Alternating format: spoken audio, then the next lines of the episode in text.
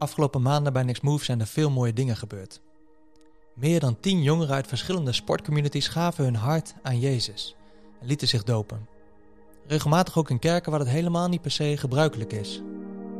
Het evangelie klonk op de velden en ook daar is nu het seizoen voor de persoonlijke, diepere hart-tot-hart gesprekken. Er zijn minder tieners en jongeren vanwege de herfst en de winter, wat automatisch meer tijd en aandacht oplevert voor de jongeren die wel komen.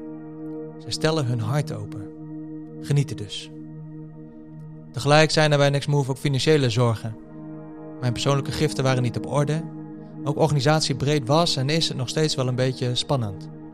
Aangezien ik verantwoordelijk ben voor de financiën waren het dus voor mij ook spannende maanden. U kunt zich er wel wat bij voorstellen. We gaan eruit komen, maar ik wil u graag meenemen in het proces. Na de zomervakantie bekijk ik mijn persoonlijke giftenoverzicht. Voor het contract dat ik heb is het aantal euro dat binnenkomt te laag. Dat is zorgwekkend. Mijn hart gaat er sneller van kloppen. Ik zie dat nog een paar collega's te laag zitten en het is mijn taak ze daarop aan te spreken, maar het voelt hypocriet.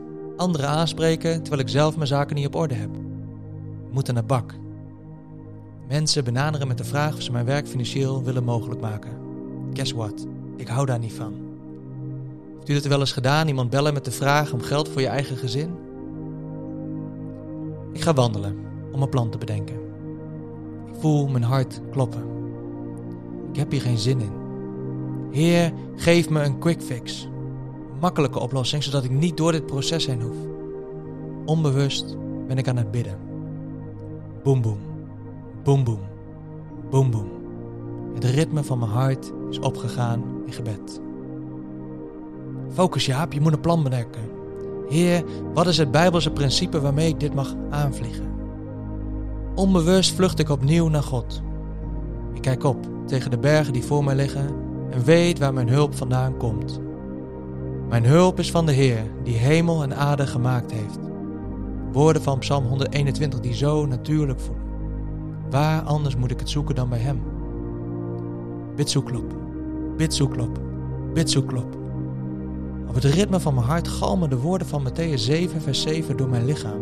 Het bloed wordt rondgepompt in mijn lichaam met het natuurlijke ritme van hoe ik mijn problemen mag aanvliegen. Bid en u zal gegeven worden. Zoek en u zult vinden. Klop en er zal voor u opengedaan worden. Is het zo simpel, Heer? Bid zo klop, bid zo klop. Bedenk me dat hoe sneller mijn hart klopt, hoe krachtiger en sneller mijn spieren kunnen bewegen. Bidden, zoeken, kloppen. Het is een ritme waarmee ik mijn geestelijke conditie mag verbeteren, elke keer opnieuw. Bidden, zoeken, kloppen. In gehoorzaamheid vanuit gebed blijven doen wat God van me vraagt. Hij zal blijven voorzien. In verlangen blijven zoeken naar hoe Hij het wil gaan geven. Ik zal het vinden. Blijven kloppen in nederigheid en afhankelijkheid. En mensen zullen open doen. Bitsoeklop, bitsoeklop, bitsoeklop. Het ritme van mijn geestelijke hart.